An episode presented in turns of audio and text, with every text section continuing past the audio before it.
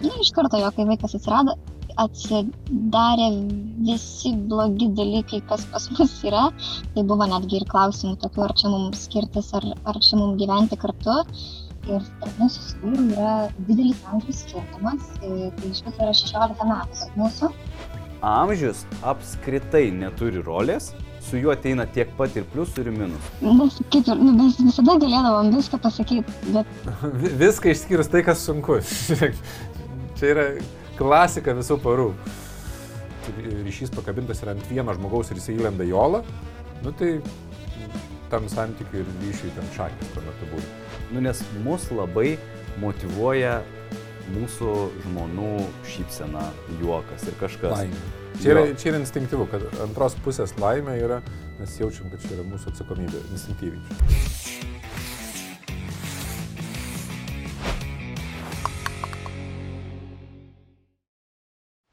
Sveiki visi. Sveiki, sveiki. Skiriamės jokauju vėl su jumis. Šiandien mes kalbame su Marija, kalbėsime apie tokią individualią situaciją, inkognito konsultaciją, jeigu ir kitokios norite, tai uh, susiraskite pačioj nuorodą, užsiregistruokite arba prašyti mums laišką klauskite skiriamės jokauju.lt. Ir aišku, nepamirškite prenumeruoti ir paspausti varpelį, kad sužinotumėt visas naujienas, o gal netgi norite ir daugiau prisidėti, tai pasižiūrėkite galimybės remti Contribui. Gerai, startuojam. Taip, Marija, tada pradėk nuo savo situacijos, kad visi suprastų kontekstą. Sveiki. Tai tada tiesiog pradėsiu nuo pradžių. Esame su vyru kartu penkis metus, turime mažametį trijų metų vaiką ir tarp mūsų su vyru yra didelis amžiaus skirtumas, tai iš viso yra 16 metų tarp mūsų.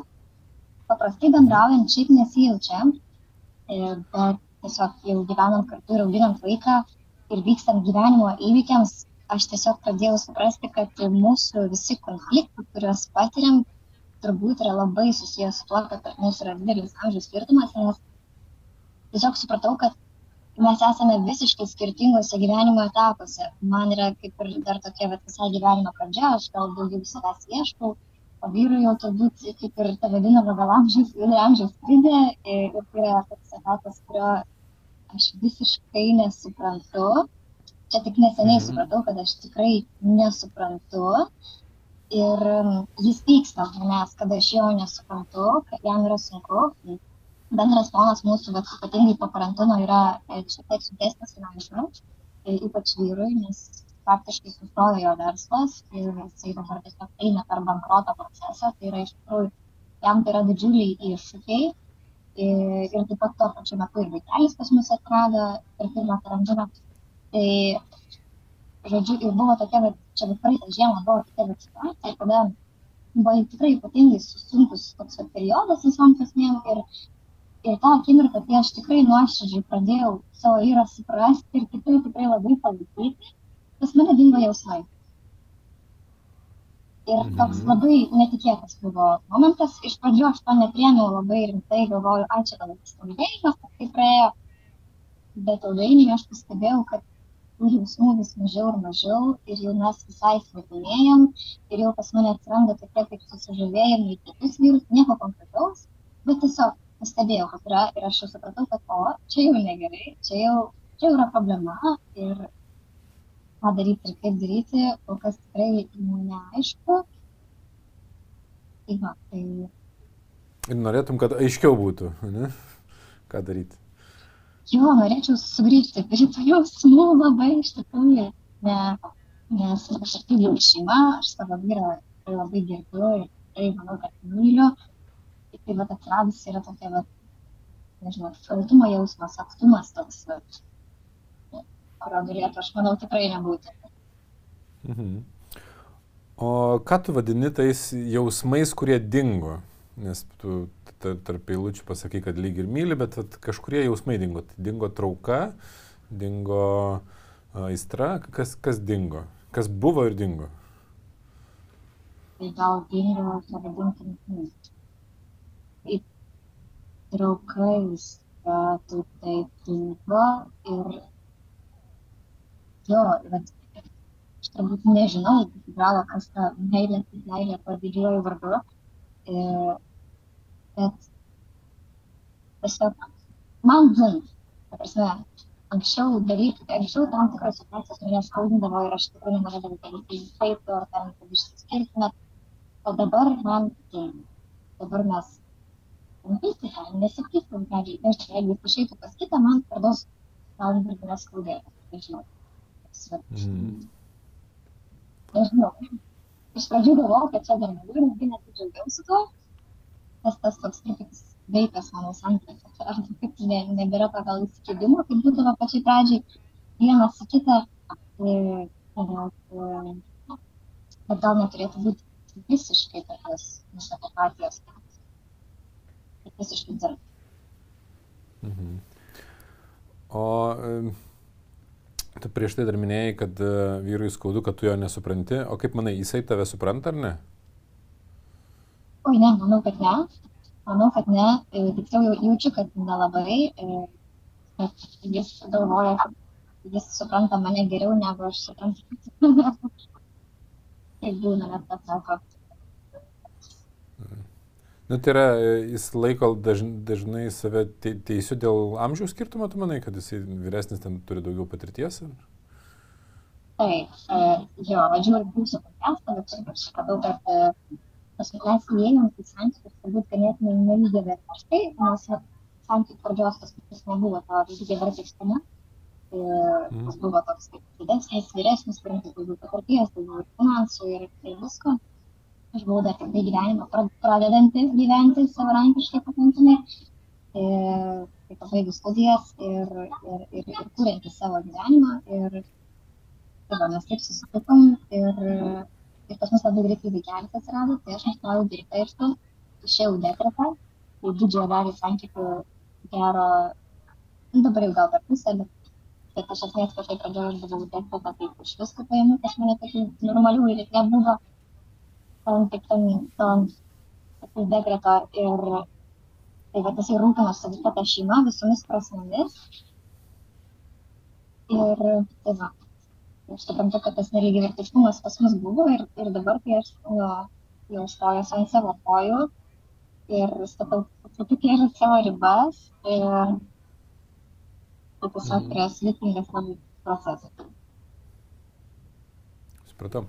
O jūsų santykiai prasidėjo nuo įsimylėjimo, nuo aistros kažkokios, kaip jie, jų, jų pradžia yra. Ten gali daug detalių neatskleisti, kad miesto ar vietovių, bet bendrai pats, pati nuotaika buvo.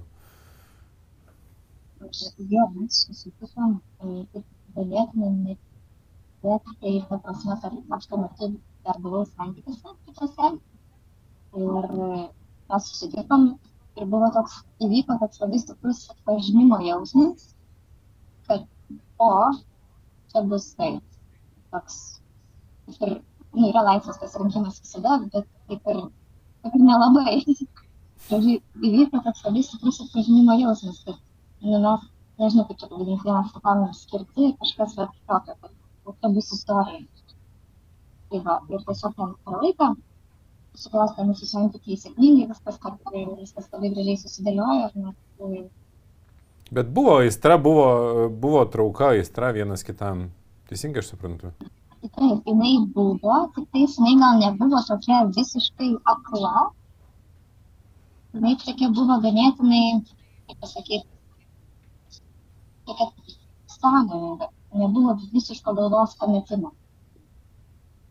Mhm. Nu, tai aš tai tokį bendrą paveikslą nusipaišiau, bet turbūt psichoterapeutai netleistų mums stebintis, jeigu nepaklaustumėm klausimo, kaip tavo santykiai su tėčiu. Taip, mano santykis su tėčiu yra normalus.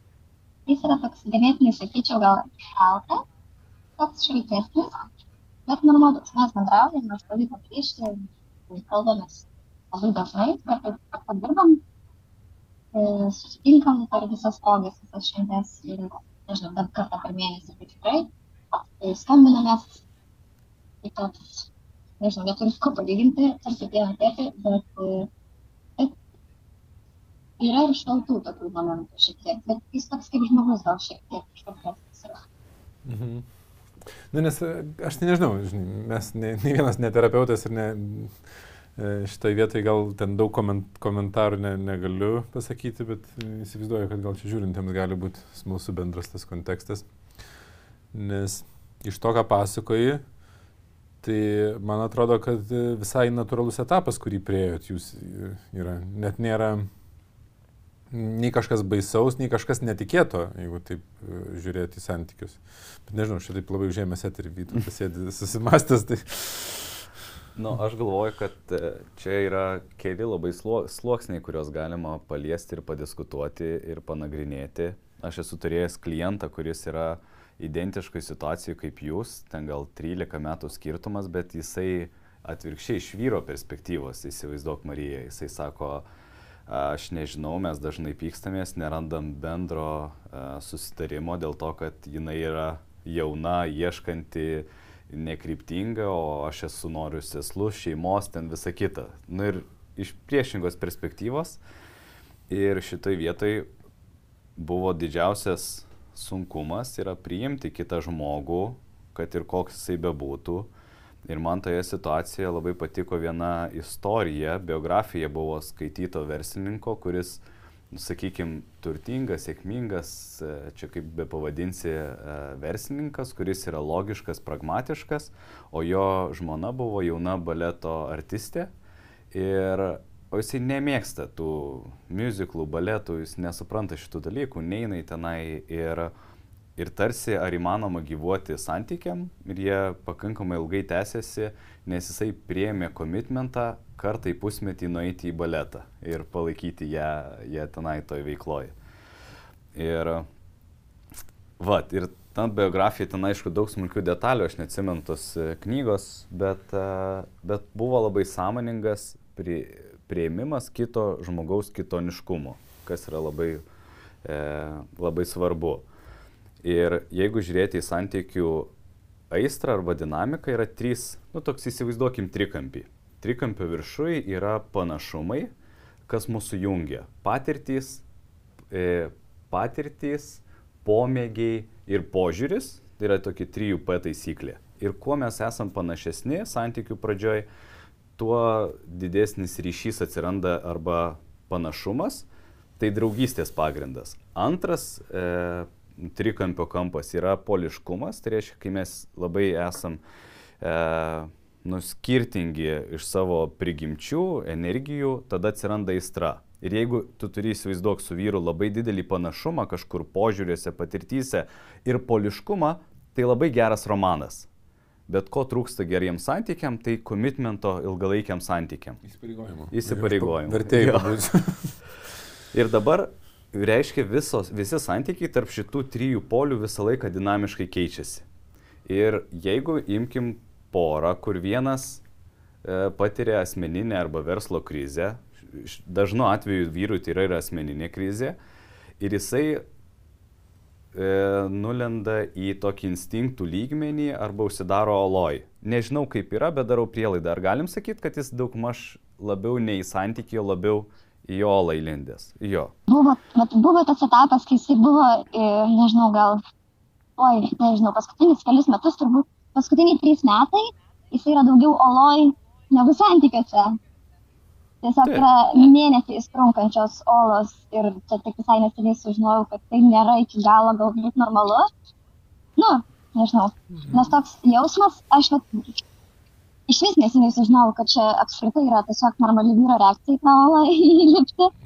Um, bet nes man tai buvo toks jausmas, kad okei aš suprantu kad dabar yra sunku ir mes turime išspręsti tam tikras problemas ir kad nu finansai be finansų tikrai tu negali tu negali gyventi be finansų faktas.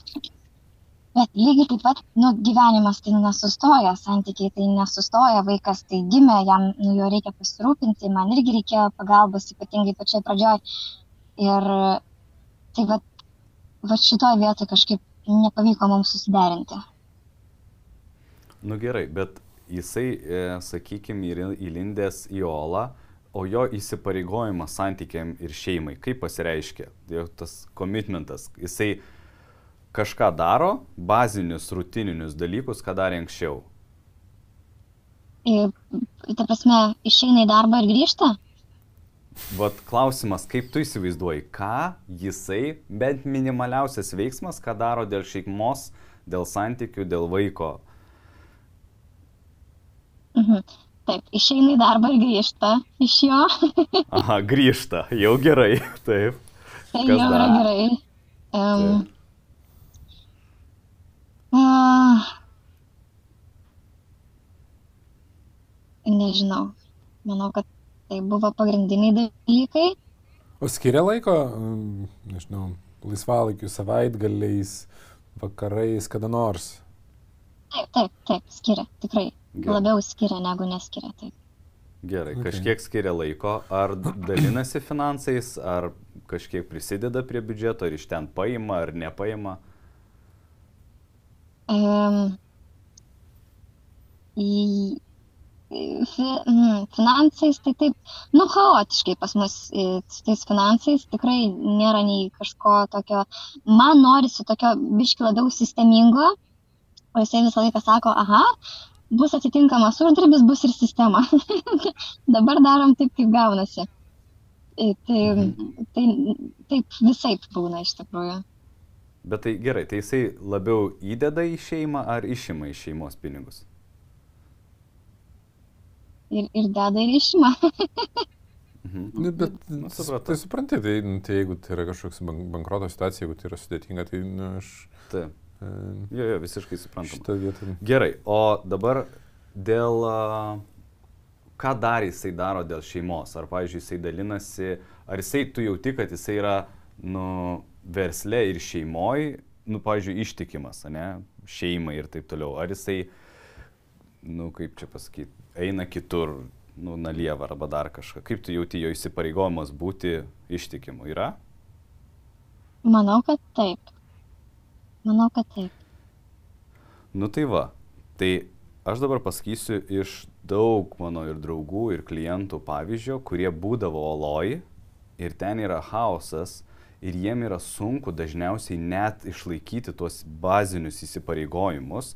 Tai reiškia, jie sukandė dantis, galvoja, kaip sukrapštyti pinigus ir ne tik, kad išspręsti bėdą, bet ir sukrapštyti pinigus ir pasirūpinti kažkiek dadėti šeimos biudžetui, kad grįžti ir išlaikyti tą e, techniniuose dalykuose rutiną. Tai reiškia, ar ten kažkas turi įsipareigojimą išnešti šiukšlės, kažkas ten kažkokią lemputę, kažką bazinio dalyko padėti savo šeimai, ko jis gali kaip vyras.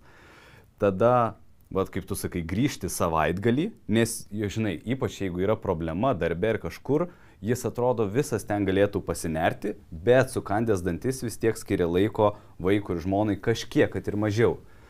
Ir jausmas dažniausiai iš vyro pusės yra, jis negauna įvertinimo, o jis gauna atvirkščiai neigiamą, kad nėra taip, kaip buvo anksčiau, kad nepakankamai, kad kokybė nepakankama ir taip toliau. Ir jis yra kainda tokioj žiauriai sudėtingoj situacijai. Nu, emociškai. Aš kalbu iš vyro perspektyvos. O koks yra lūkestis vyro? Kaip tu manai, jeigu jis yra sudėtingoj, va, verslo ir finansiniai situacijai, koks yra lūkestis iš šeimos, iš žmonos? Palaikymas. Ok. Papasakok. Tai papasakok, kaip tau atrodo, kokio palaikymo tikisi ir ką tu faktiškai darai. Jo, jisai visą laiką tikisi palaikymo ir supratimo. Uh, labai uh, stengiuosi atkreipti dėmesį į visus padarytus dalykus, už uh, nepriemu kaip savaime suprantama dėl uh, tuos tokius faktus, kad tam pavyzdžiui mes visada turim už ką pavalgyti, net ir pačiais sunkiausiais momentais mes visada susimokam uh, kažkokias tai pagrindinės sąskaitas, vis tiek viskas būna išspręsta, kad ir kaip kartais chaotiškai, bet vis tiek viskas būna, nu, bet tie vat baziniai visi dalykai, jie yra. Tai vat Mm. visą laiką stengiuosi tai atkreipti dėmesį ir, ir nieko nepriemu kaip savaime suprantamo ir, ir, ir, ir, ir stengiuosi būti dėkinga. E, Bet iš vyro pusės, nu, jis to kažkaip nejaus, nejausdavo, bent jau anksčiau, nežinau, kaip dabar ir neklausiau paskutiniu metu, bet anksčiau kažkaip ir aš bandydavau klausti jo, ka, kas jam yra tas palaikymas, ką aš galiu konkretaus galbūt padaryti ir jisai, ir jisai pats nu, negalėdavo atsakyti į šitą klausimą, ko jis konkrečiai tikisi, kaip tas palaikymas ten galėtų atrodyti, kad jis labiau tą palaikymą jaustų. jis pats iki galo to nežino, e, tai, tai šitoje vietoje sudėtingiau. Tikrai mokausi tą daryti. Jo. O kas jeigu e, ir nėra, žinai, įmanoma, kad tu m, užtikrintum tai, ko jam trūksta? Nes e, aš galiu papasakoti dinamiką, kaip aš matau iš šono, taip sutrumpintai, bet e, čia yra, aišku, daug hipotezių ir aš galiu klysti, tai taip, žinai, gali taisyti, kuriuose vietose aš prasileisiu. Bet pati idėja yra paprasta. Jūs kūrėt santykius pačioj pradžioj iš įsimylėjimo tokios, nu, kaž, kažkokia įstra, kad ir nekla jinai buvo vienas kitam. Ir jūs suėjot kartu ir atrodė, kad viskas, kaip, nu, kaip sakai, vienas kitam skirti esate. Ne? Tai nėra pagrindas ilgalaikiam santykiam. Daugybę kartų kartojau, žinau, kad žmonėms nepatinka tą girdėti, bet uh, kai mes įsimylim, tai ne, nepadeda sukurti ilgalaikių santykių. Tai padeda sukurti pradžią santykių, bet ir nėra kartu blogai, kad nuo to santykiai prasideda. Tiesiog tai nėra pagrindas. Ir tai reiškia, kad toliau dinamika turi kažkaip vystytis, nu, kažkas turi įvykti. Arba jūs pradėsit mokytis, kas yra tie ilgalaikiai santykiai. Dažniausiai, kuo didesnė įstra, tuo didesnė dobė po to laukia. Nu, tai yra, tuo labiau žmonės um, susinervina, kad uh, nebuvo ta fantazija jų išpildyta, kurią turėjo savo galvoje. Ir pas jūs visame tame atsiranda vaikelis ir atsiranda um, pandemija su bankrotu, kaip suprantu, įmonės, ar ne? Teisingai aš čia dėlioju kontekstą. Tai jeigu įsimylėjimo periodu tikėtina, kad vyras tavo atrodė stiprus, ryštingas, gebantis išspręsti klausimus ir dar svarbesnis dalykas, jisai savo greičiausiai taip pat atrodė, Sutinki ar ne? Čia galvoju, čia mano prielaida. Tikrai. Tikrai taip. Tai staiga po šitų kelių pokyčių atsiranda vaikas, vaiko, nežinau, jis neturi vaikų, jeigu vyresnis iš kitų sant, santokų. Ne, iš ankstesnių. Neturi. Ne. Tai reiškia, jam tai yra nauja patirtis irgi, čia ne, nežinau. Ar... Tai yra, jisai nežino, kaip teisingai auginti vaiko, kaip, kaip ir nei vienas žmogus nežino, kuris susilaukia vaikų. Antras dalykas. Uh, įmonės reikalai suprastėja ir tenais nežino, ką daryti ir kaip daryti. Tai yra, jis Jeigu prieš tai jautėsi ryštingas ir galintis išspręsti klausimus, dabar jisai net pats nesijaučia ir tu nesijauti, kad jisai toks yra. Tai jeigu žiūrint į poliškumą, į aistros klausimą, tai vienas kitas žmonės traukia, kada būna medžioklės ir rinkimų instinktuose, tai tikėtina, kad jūs buvote ganėtinai klasikiniuose instinktuose, jeigu jisai um, turėjo, ten, kaip sakai, verslą, buvo ryštingas ir taip toliau, tai tikėtina, kad jūs buvote klasikiniuose tose instinktuose, jisai tampa um, nesaugus tam instinktui jisai užsidaro jolą, kaip gražiai Vytautas įvardino. E, akivaizdu, kad tavo e, rinkėjos instinktai, tai yra grinai instinktyvios reakcijos, e, reaguoja visiškai išsigasdamos, kas vyksta. Tai turbūt irgi padarysiu pakankamai tikslę prielaidą, kad kai visa tai vyko, pas tave atsirado irgi nerimo, kaip viskas išsispręs. Taip, taip. Nu tai va, tai čia dinamika iki šiol, va, su tom prielaidom ir, ir prieinam. Ir kai tu sakai, kad e, kažkuriuo momentu e, aš, e, sak, supratau, pradėjau suprasti jį ir tada, sakai, išsijungia tam tikri jausmai. Nu, atrodo, kad traukos nebėra. Tai um, trauka yra būtent poliškumas tarp skirtingų instinktų. Ir panašu, kad, na, nu, aš, aišku, mes šnekamės dar neilgai, bet panašu, kad būtent šita vieta ir išsijungia. Aš ją mėgstu palyginti, nežinau, aš šitam podcast'e dar nepasakojau apie vaivorykštį.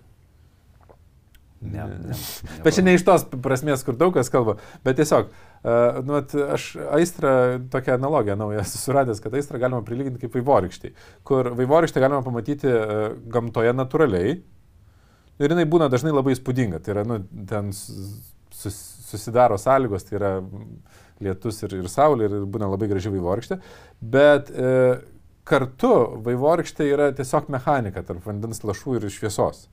Ja galima ir savo sodė kiekvieną dieną susikurti, nu iš principo. Ji nebus tokia įspūdinga, jeigu tu, jeigu tu įdėjai tik šiek tiek darbo, nu tai yra paleidai vandenį ir ten šviesą, bet tu gali sukurti ir labai įspūdingą, jeigu įdėsi labai daug pastangų.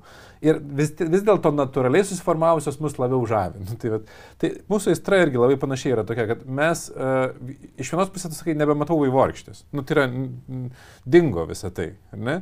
Iš kitos pusės uh, greičiausiai mechanikos, kaip kuriama aistra ir iš kur jin atsiranda, uh, labai stipriai ir neanalizavot savo poroje. Ne? Ir uh, kadangi aplinkybės susidėlioja tokios, kad akivaizdžiai jam yra sunku būti ryštingu, produktyviu, Dėmesingu. Uh, jo, nu visi šitie dalykai, kurie padaro uh, tą trauką, sukuria tą trauką. Vaivorykštė. jų, nu jie natūraliai uh, yra dabar išsibalansavę visam tam procese šitame etape. Nu tai natūraliai, tu sakai, man dingo jausmai ir aš jaučiu tam tikrą, nu net nežinau, čia apatija, dar kažkas. Bet iš kitos pusės, kas yra labai geras ženklas, ką noriu iš karto atkreipdėmėsi, kad tu sakai, bet aš gerbiu jį. Ir tai yra labai, vat, jeigu aš sakiau, kad įsimylėjimas nėra pagrindas ilgalaikiam santykiam, tai pagarba jau yra.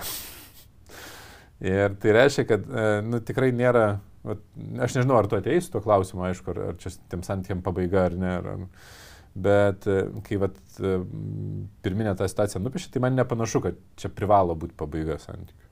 Man panašu, kad čia gali būti uh, labai nelengvas etapas, bet kartu labai daug išmokantis ir padedantis atkurti lygiai vertiškumą, nes kaip pačioj pradžioj ir paminėjai, tai santykiai prasidėjo nuo greičiausiai tokio nelygiai verčio ryšio. Žinai. Tai va čia ta dinamika tokia nupiešiu, kad man netrodo nenatūrali, man atrodo pakankamai įprasta uh, situacija, turint omeny aplinkybės, kurios susiklosti. Taip, ir šiandien turėsim iš principo aptarimą situacijų, kur žmonės e, skiriasi ir net nejokauja. Moteris nori skirtis, nes nejaučia palaikymo sunkiomis akimirkomis.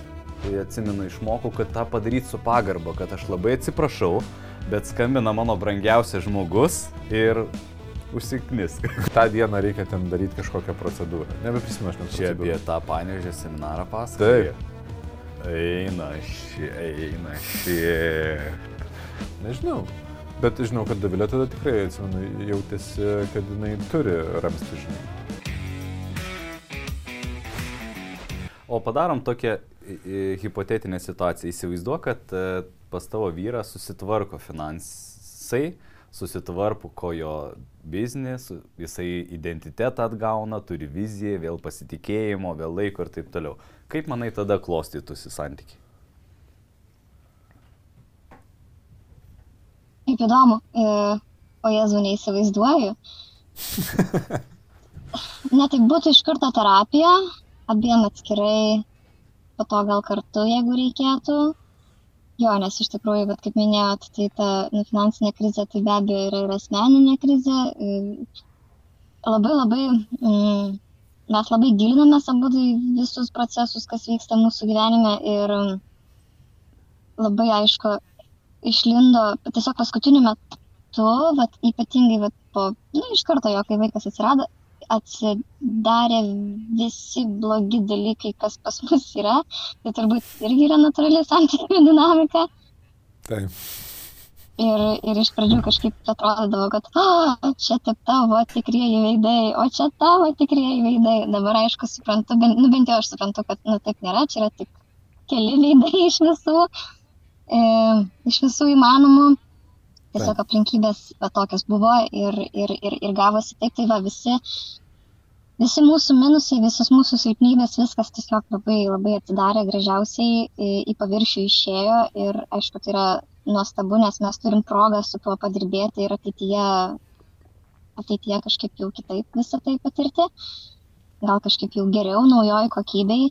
E, bet vat, šitas laikotarpis, vat, kaip sakė, tai tikrai beprotiškai, beprotiškai sunkus. Buvo tikrai vat, šią vasarą vat, tokių momentų, aš gal net kai laišką va čia jums rašiau, tai buvo netgi ir klausimų tokių, ar čia mums skirtis, ar, ar čia mums gyventi kartu, bet kadangi turim vaikelį, tai kažkaip kaip ir nelabai įmanoma turbūt. Nežinau, vėlgi, skirybos kainuoja. Kartais pinigų trūkumas tampa privalumu. taip, taip, taip, visi šitie dalykai, mm, jiems tikrai reikia labai daug finansų ir, ir, ir yra tas energijos būti kartu. Ir, jos pas mane atsirado gal tada, kai aš supratau, kad reikia pykti dėl dalykų, dėl kurių man kyla pyktis. Gal taip, nežinau kaip čia išreikšti, kad tas užšalimas vėlgi jis gal net susijęs su, su kažkokiais tais momentais, kur, nu, bet, nu, aš gal užspaudžiau savyje tiesiog kažkokius tai į savo tuos vat, in- rinkimo turbūt instinktus, Taip. saugumo tuos instinktus, kad jo, gal šiek tiek nustumiau iš šoną tą poreikį, kad, kad aš noriu to saugumo, to saugumo poreikį, tikrai jį nustumiau ir kažkaip, Jo. Tu, čia, kai tu kalbi, kad pykti, kai, kai pykstasi, tai yra, kad nu, pradėjai leisti savo pykti, ar ne? taip, Ar atvirkščiai? jo, bet taip normaliai pykti, nes kažkaip e, vėlgi priekaištai ir, ir tas visas dalykas, tai labai yra, aš kaip suprantu, blogas dalykas į vyro pusę ypač. Jie abi pusės blogas. Aš tai, jie abi, žinok, jie abi. Ir, ir, ir jeigu Ne, tau... tarp kitko, aš su viena kita tautė esu šnekėjęs apie tai ir jinai e, su sesė šnekėjo ir barėsi restorane, žinai, nu iš šono, angliškai. Ir aš sakau, kodėl jūs faitina čia restorane? Eik, tu čia sako, mano sesė, čia sako, čia meilė. Čia sako, jeigu nesibarom, čia nesibarom, tai sako, nemyli, va apie tai šeima, žinai. Ir ten iš pietų labiau kilus ir aš galvoju, nu jo. Pas mus netaip yra. Taip, taip. Pas mus išspaudžiam emocijas. Tai, Bet žiūrėk, aš noriu labai vieną svarbų dalyką, kai skaičiau tavo laišką, man vienas dalykas e, norisi refreiminti tą, ką tu parašiai, į suteikti kitą prasme. Kai mums nesiseka santykiuose, mūsų smegenys visą laiką ieško a, apibendrinimų, siaurų frazių, kurios būtų tarsi išteisintų situaciją. ane? Ir čia tu labai lengvai suradai išteisinimą, tai amžiaus skirtumas. Ai, atsakomybė yra amžiaus skirtumas, čia ne mano gebėjimas kurti aistrą, ne mano gebėjimas suprasti vyrus, santykių dinamiką ir taip toliau, čia amžiaus skirtumas. Tai aš noriu pakeisti tavo šitą, nes šimtų procentų čia nėra amžiaus skirtumas. Su juo ateina kitokia santykių dinamika, bet su juo ateina ir galbūt didesnis samoningumas, didesnis aistra, galimybės, laisvės, ten daug pliusų tame ateina. Ir jeigu žmogus turi iliuziją, kad tik panašumai santykių, atsimeni tuos tris kampus, kur tik panašumai jungia santykius, tai yra irgi iliuzija, nes įsivaizduok, jeigu aš esu aistringas, uh, kur su motociklu, bikeris, jo, aistringas bikeris, važiuoju čia taip toliau ir susirandu antrą pusę bikerę. Kaip fainai, visa kita atrodo tokia santykių dinamika, tikrai su bibliotekininkė nebūčiau gera pora. Ir pys susilaukiam vaiką. Vaiko pas moterį dinksta noras rizikuoti, ne tik pačiai, bet spėk, ką jinai man sakys. Tu čia man dabar tokių greičių nevažinėsi, motociklą padedi tenai ir taip toliau ir taip toliau. Lygiai tas pats, jeigu, e, nežinau, aktoriai susipažįsta, ar tenai šokėjai ir vienam įvyksta trauma. Gyvenimas yra ta, kad, apie tai, kad net toks pats žmogus, tokio pačio amžiaus, jisai keičiasi. Vienas nueina labiau, į labiau į dvasingumą, kitas labiau į sportą, kitas labiau į kapitalą, į verslą. Amžius apskritai neturi rolės, su juo ateina tiek pat ir pliusų ir minusų. nu, aš mm, paoponuosiu, biškai. Nu. Turi jisai tam tikrą rolę, bet e, tikrai, nu, sutinku su tavo ta idėja, kad Marijai nereikėtų nurašyti. Nu, kad čia amžiaus skirtumas lemia, nes tai, kas dinamiškai įvyko, ką aš e, dabar pasakau, tai galėtų atsitikti ir su labai panašaus amžiaus žmogum. Taip. Visiškai, žinai. Bet tik tai tiek, kad kai mes kuriam santykius, santykiai yra skirtumų valdymas, mes turim įvairius skirtumus ir tarp porų, kur e, du žmonės yra skirtingam amžiui, padidėja galimybė turėti skirtumų. Nebūtinai yra, bet, nu, dažnu atveju atsiranda skirtinga dinamika. Raida. Vyksta, Bet, taip. žinai, atitinkamai galima to paties amžiaus iš skirtingos kultūros susirasti, net, net, net nebūtinai iš skirtingos šalies, taip pačia Lietuvoje yra skirtingų kultūrų žmonių ir jau bus didžiuliai skirtumai. O dar žmonės susiranda iš skirtingų kontinentų, tai dar didesnis skirtumai, net amžiaus skirtumo nereikia. Ne? Tai čia yra tiesiog apie skirtumus.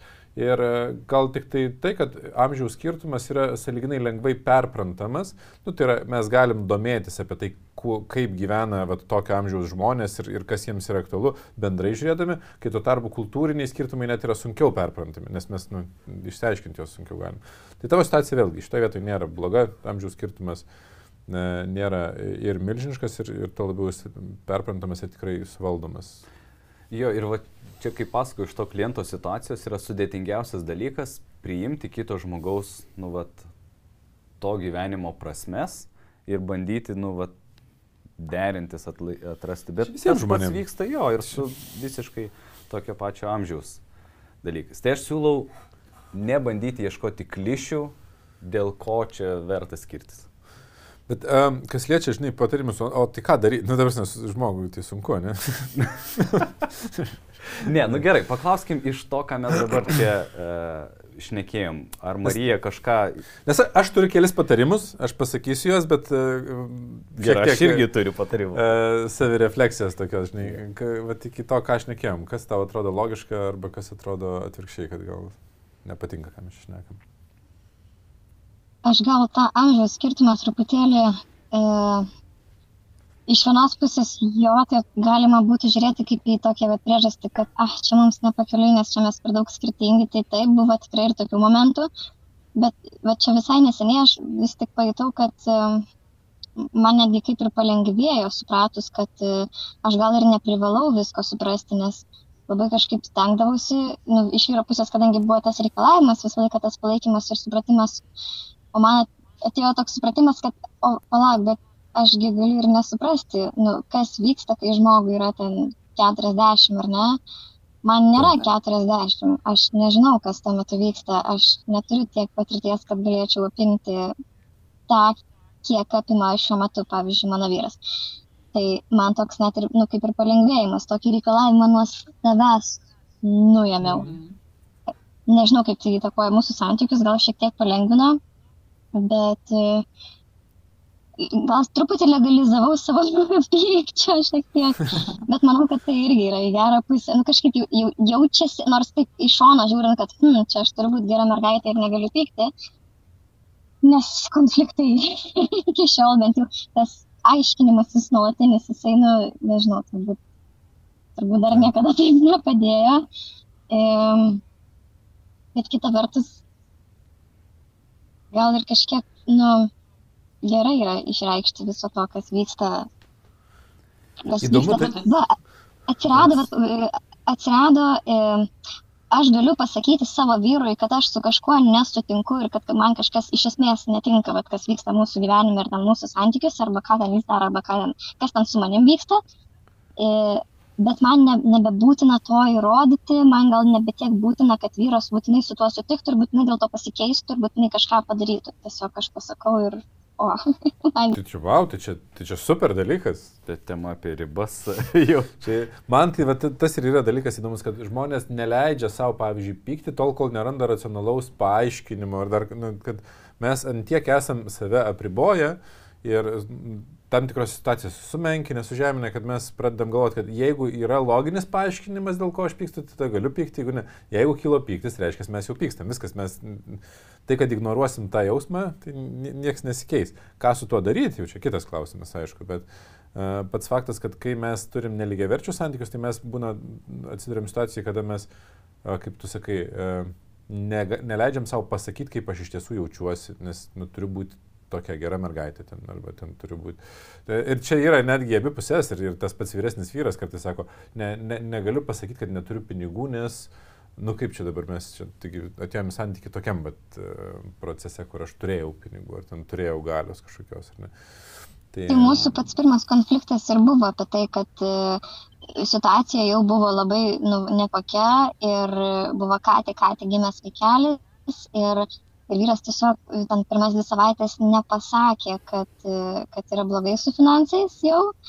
Ir, ir, ir buvo susitarimas tarp mūsų, kad mes, kad jis neįsi darbą dvi savaitės ir pa- padės man ten po operacijos atsigauti, man vis dėlto buvo Cezario operacija, man reikėjo ir tos fizinės pagalbos ir be abejo emocinės.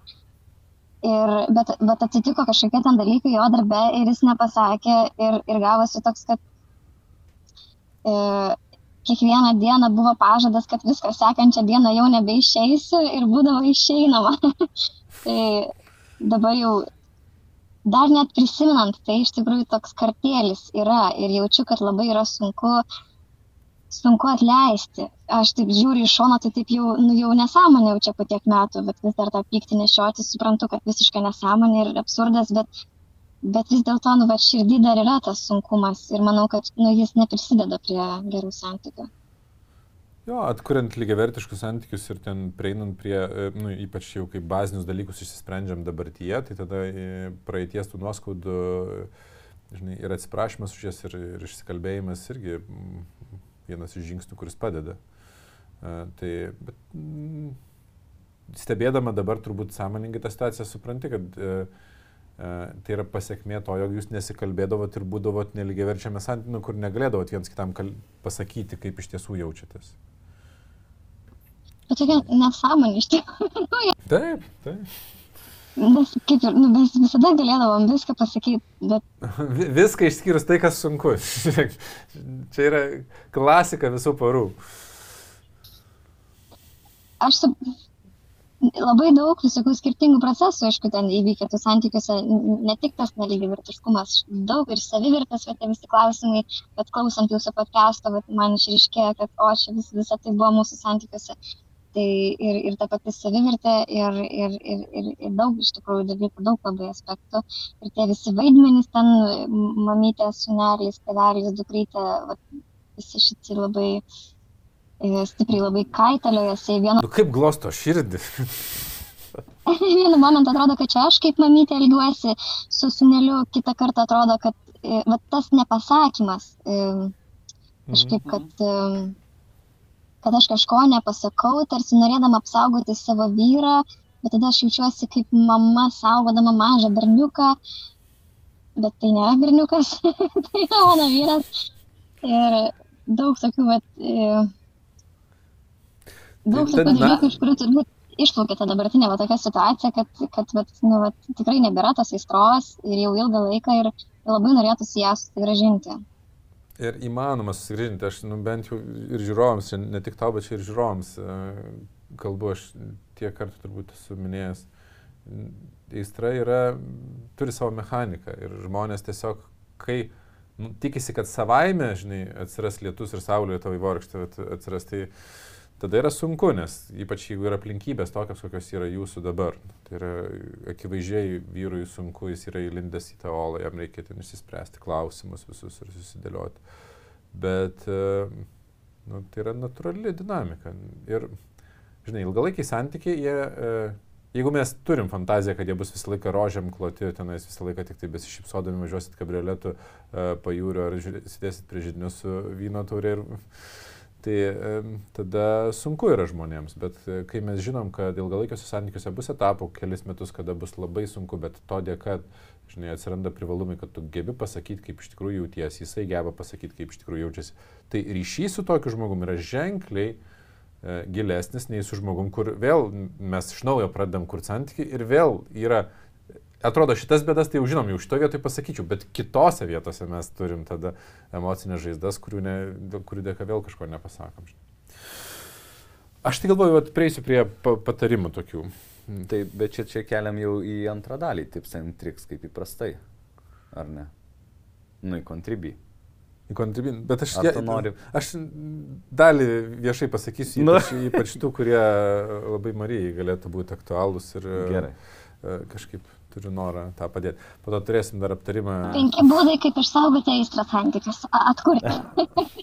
Šitų tai Instagram'e ten pasakėte, aš ten vis pasidalinu, bet aš e, konkrečiai e, e, tavo situacijoje, kuri yra sunki ir aš, ne, jie nėra panacėja, tai nėra, žinai, žingsniai, kuriuos padarius, akivaizdžiai viskas išsispręs. Tai yra žingsniai, kurie gali palengvinti jūsų situaciją, jeigu nuosekliai darysit, nes kai kalbame apie instinktus, ten patarimai yra pakankamai uh, kon, aiškus, todėl kad instinktai yra panašus per žmonės, jau nebėra vien uh, skirtingos vertybės per žmonės.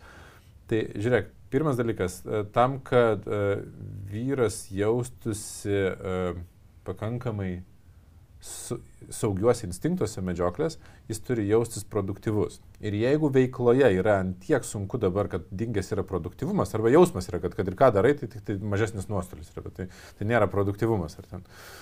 Tai atitinkamai reikalingos veiklos, kuriuose jis jaustųsi produktyvus. Tai vietoj to, kaip kartais moteris sako, tai aš tengiuosi palaikyti, aš jam pasakau, kad aš uh, pasistengit leisti E, savo antrai pusiai daryti darbus, kuriuose jis jausis produktyvus.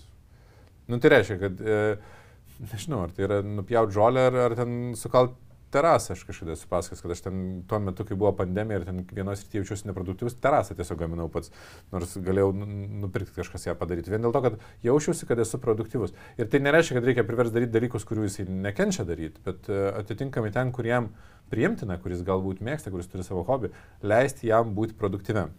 Čia yra viena dalis. Ir kita priešinga, nepatikėti savo instinktyvaus saugumo vien jam, nes jam ir taip yra sudėtinga situacija tuo metu, ir pasistengti e, kurti savo instinktyvų saugumą tiek, kiek įmanoma, savais kanalais. O instinktyvus saugumas rinkimo instinktuose yra ryšys su aplinka, ryšys su žmonėmis, ryšys su uh, žmonėmis, kurie užtikrina saugumą. Jeigu mes turim ko priklausomus santykius ir visas ryšys pakabintas yra ant vieno žmogaus ir jisai įlenda į olą, nu tai tam santykiui ir ryšiui ten šakės tuo metu būna. Bet jeigu tu turi daug santykių su draugėmis, kitomis mamomis, su savo mama ten tėčiu, tai yra, kad tu turi vietų, kur tu jautiesi pakankamai emociškai stabili, nu, kad viskas yra gerai, tu turi daugiau tada emocinio resurso, būdama su juo padėti jam. Ir čia yra, vat, nu, iš to žmogaus perspektyvos, kuris tengiasi, vat, tokie labai konkretūs patarimai, ką galima daryti. Tai nėra taip, kad jums yra atkurs aistra. Aistra atkurti reikia daugiau šiek tiek žingsnių ir, ir, ir susidėlioti, bet padėti tikrai gali. Bet pagrindinis dalykas, kad šito vietoje gali padėti m, mm, išgyventi sunkiais periodais, tai yra iš, išlaikyti tam tikrą sveiką protą, senitį, tokį mm, pavadinkim. Marija, kaip tau skamba? Logiškai skamba ar ne? Logiškai, jo, jo, labai logiškai skamba. Taip. Tai aš nežinau, žinai, konkrečių veiksmų aš nepasakysiu, e, ką tu gali skatinti, nes čia jau reikia e, išsameu kalbėtis, e, bet tikrai gali veik, kažkokias jo veiklas skatinti ir, ir paremti, nes kartais vien palaikymo ir pasakymo, kad aš vertinu tave neužtenka, reikia jausti. Nu, aš šiek tiek išsiplėsiu iš vyro perspektyvos arba galbūt ir iš tavo. Aš šitoj situacijai žiūrint iš šono, daug yra, sakykime, lengviau, bet aš vis tiek rekomenduočiau lūkestį sumažinti, kad tie jausmai, aistra, dinamika, uh, gilus ten, nežinau, pokalbį ir taip toliau, visą tai nustumti į kažkokį saugų laikotarpį, nu, tolimesnį, suprasti, kad dabar yra, man tai dažnai draugai sako, tiesiog yra šudina situacija, reikia išsimėžti, o paskui galvok apie ten, kaip persidažyti sienas ar kažką tokio. Tai kada tu lūkestį sumažini ir turi susitvarkyti šitus dalykus, tada atsiranda alijansas, toks susivienijimas, nu, poroji. Ir dabar galvoti, okei, okay, tai kaip jūs gali būti ne vienas prieš kitą, o, o vienas nu, su kitu į bendrą kryptį. Ir va čia atsiranda tie paprasti dalykai, ką gali, nes vyrui, pavyzdžiui, kas yra iš verslininkų perspektyvos, labai padeda tokie, va, kaip terasos montavimas. Konstruktyvūs, paprasti dalykai, mechaniniai. Čia su sąlyga, kad mėgsta tą dalyką. Jo, tai. Jeigu nemėgsta, tai priešingai gali. Taip. Kur sakysi, žinai, priekaištausti, tu terasos nesumontuoji. Bet žinai, man, pavyzdžiui, kartais yra baisu, kai žmonės randa tą kitą pusę produktivumo ten kokiam gaiminime, žinai. Ir, jo, jo.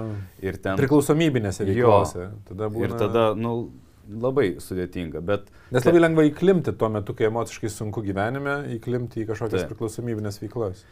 Ir čia, šitoj vietoj, vienas dalykas svarbu, o tai kokią viziją jūs matot sunkiausių momentų.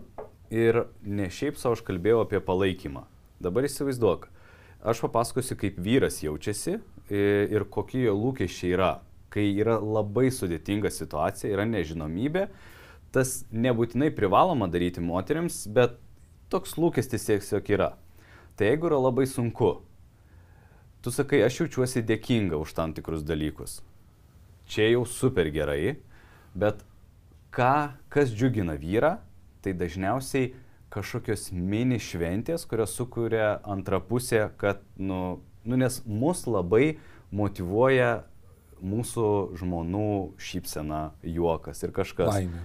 Čia yra, čia yra instinktyvu, kad antros pusės laimė yra, mes jaučiam, kad čia yra mūsų atsakomybė, instinktyviai. Taip. Ir aš suprantu, kad kai moteris yra instinktų lygmenyje, sunku sukurti šventę namie, bet jeigu tai pavyksta, tai, nu, tai atpalaiduoja tam tikrą įtampą nu, šeimoje ir pas vyrą, jis tada pailsi ir kitą dieną žiauriai produktyviai jam galvojasi, dirbėsi ir sprendžiasi sunkus dalykai.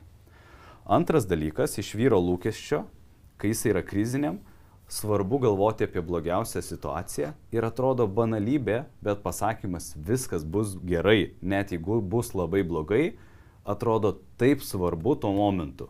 Nes viduj verda įvairiausi scenarijai, kad bus tas blogai, bus bus, kitas blogai, nesigaus kažkas, bet jeigu antra pusė įsivaizduok sako, žinai, kad ir kas bus, mes nepražūsim. Ir atrodo banalios frazės, bet jos taip sustiprina, nes tai yra komandiškumas, o ne prieš priešą.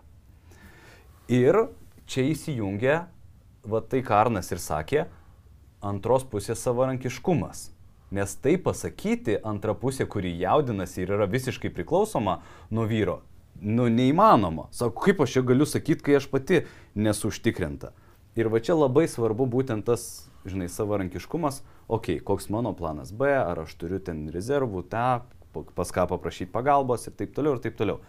Tai kai kuriais atvejais, jeigu žiūrėti iš nu, konsultacijų dinamikos, aš sakyčiau, labai svarbu pasidaryti blogiausią scenarijų, nusipiešti, tada susiniveliuoja nu, toks pagrindas, sakyčiau. Nu, kad vienas kitam parodyti, kad mes, žinai, bet tai, ką sakei, kad yra išlikus pagarba, kad esi dėkinga jam, tai yra ženkliai svarbesni ilgalaikio santykio pagrindai, nei kad ir kaip keistai skambėtų, aistros, žinai, bet tas dingimas, apie kurį kalbėjai, nes tas aistros dingimas yra išsprendžiamas. O pagarbos atkūrimas ar tenais dėkingumo yra ženkliai sunkiau sprendžiamas klausimas. Ir kitas dalykas, pavyzdžiui, vyrui yra be galo galingi žodžiai, kada moteris sako, žinai, aš tikiu tavim, kad tu gali, kad tu išspręsi, aš žaviuosi, ką tu darai. Ir, pavyzdžiui, yra smulkus niansas, nebūtinai tu taip darai, bet yra moteris, kurios sako, aš palaikau arba toleruoju, arba palaikau, bet, na taip, žinai, nu, taigi jis žino, kad aš palaikau, bet tiesiog verbalinis įvardinimas, pasak, pasakymas, ap, apkabinimai, tokie smulkus dalykai, kuris iš tikrųjų pajaustų, nu čia būna labai galinga. Bet sąlyga, gal... kad iš tikrųjų taip jautiesi. Taip, taip. Tai va, ne, ne, o, o viskas tada, žinai, yra išsprendžiama, visos krizės praeina ir ta, tas labai svarbu. O kiek tu, kad kažkaip tu minėjai, kad jau čia taip ilgokai, nuo 20 metų, ne, sakai, tai tęsiasi. Nuo pandemijos, suprantu. Jo, jo, pas mus vat, per pirmą karantiną pačiai pradžiai gimė vaikutis. Tai va tada buvo visa ta pradžia ir tas chaosas, daug maž tuo metu ir prasidėjo. Tai kaip tu jautiesi po, po vat, viso pokalbio? Ar Ar radai savo daugiau įkvėpimo kažką padaryti?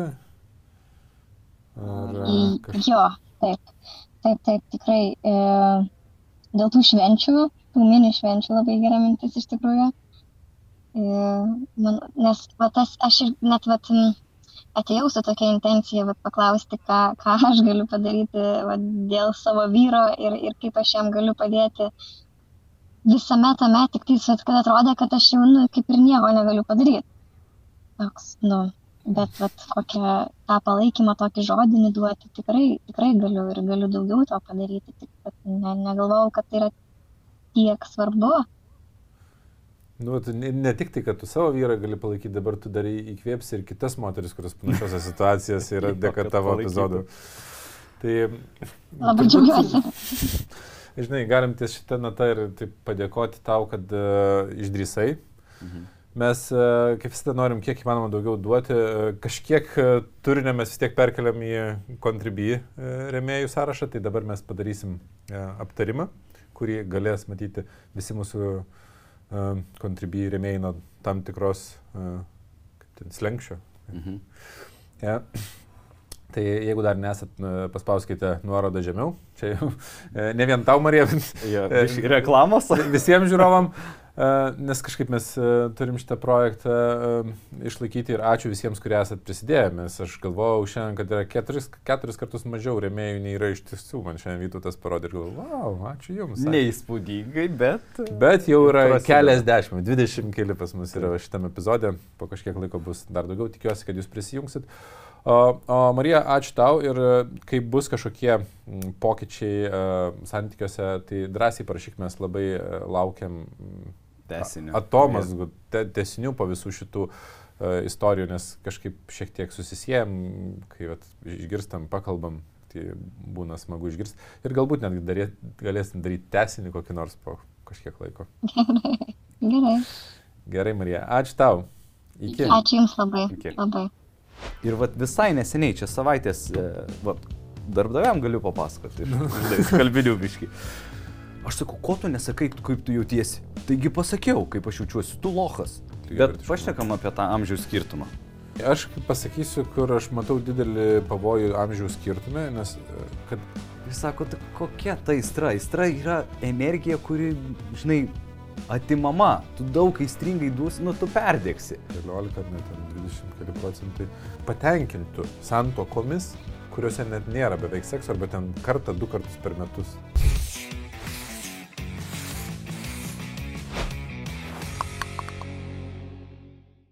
Taip, ir šiandien turėsim iš principo aptarimą situacijų, kur žmonės e, skiriasi ir net nejokauja. Moteris nori skirtis, nes nejaučia palaikymo sunkiomis akimirkomis. Tai atsimenu, išmokau, kad tą padaryti su pagarba, kad aš labai atsiprašau, bet skambina mano brangiausias žmogus ir užsiknisk. Ta diena reikia ten daryti kažkokią procedūrą. Nebeprisimenu, aš net Čia apie tą panėžę seminarą pasakoju. Taip. Eina ši, eina ši. Nežinau. Bet žinau, kad Davilė tada tikrai, atsimenu, jautėsi, kad jinai turi ramstį, žinai.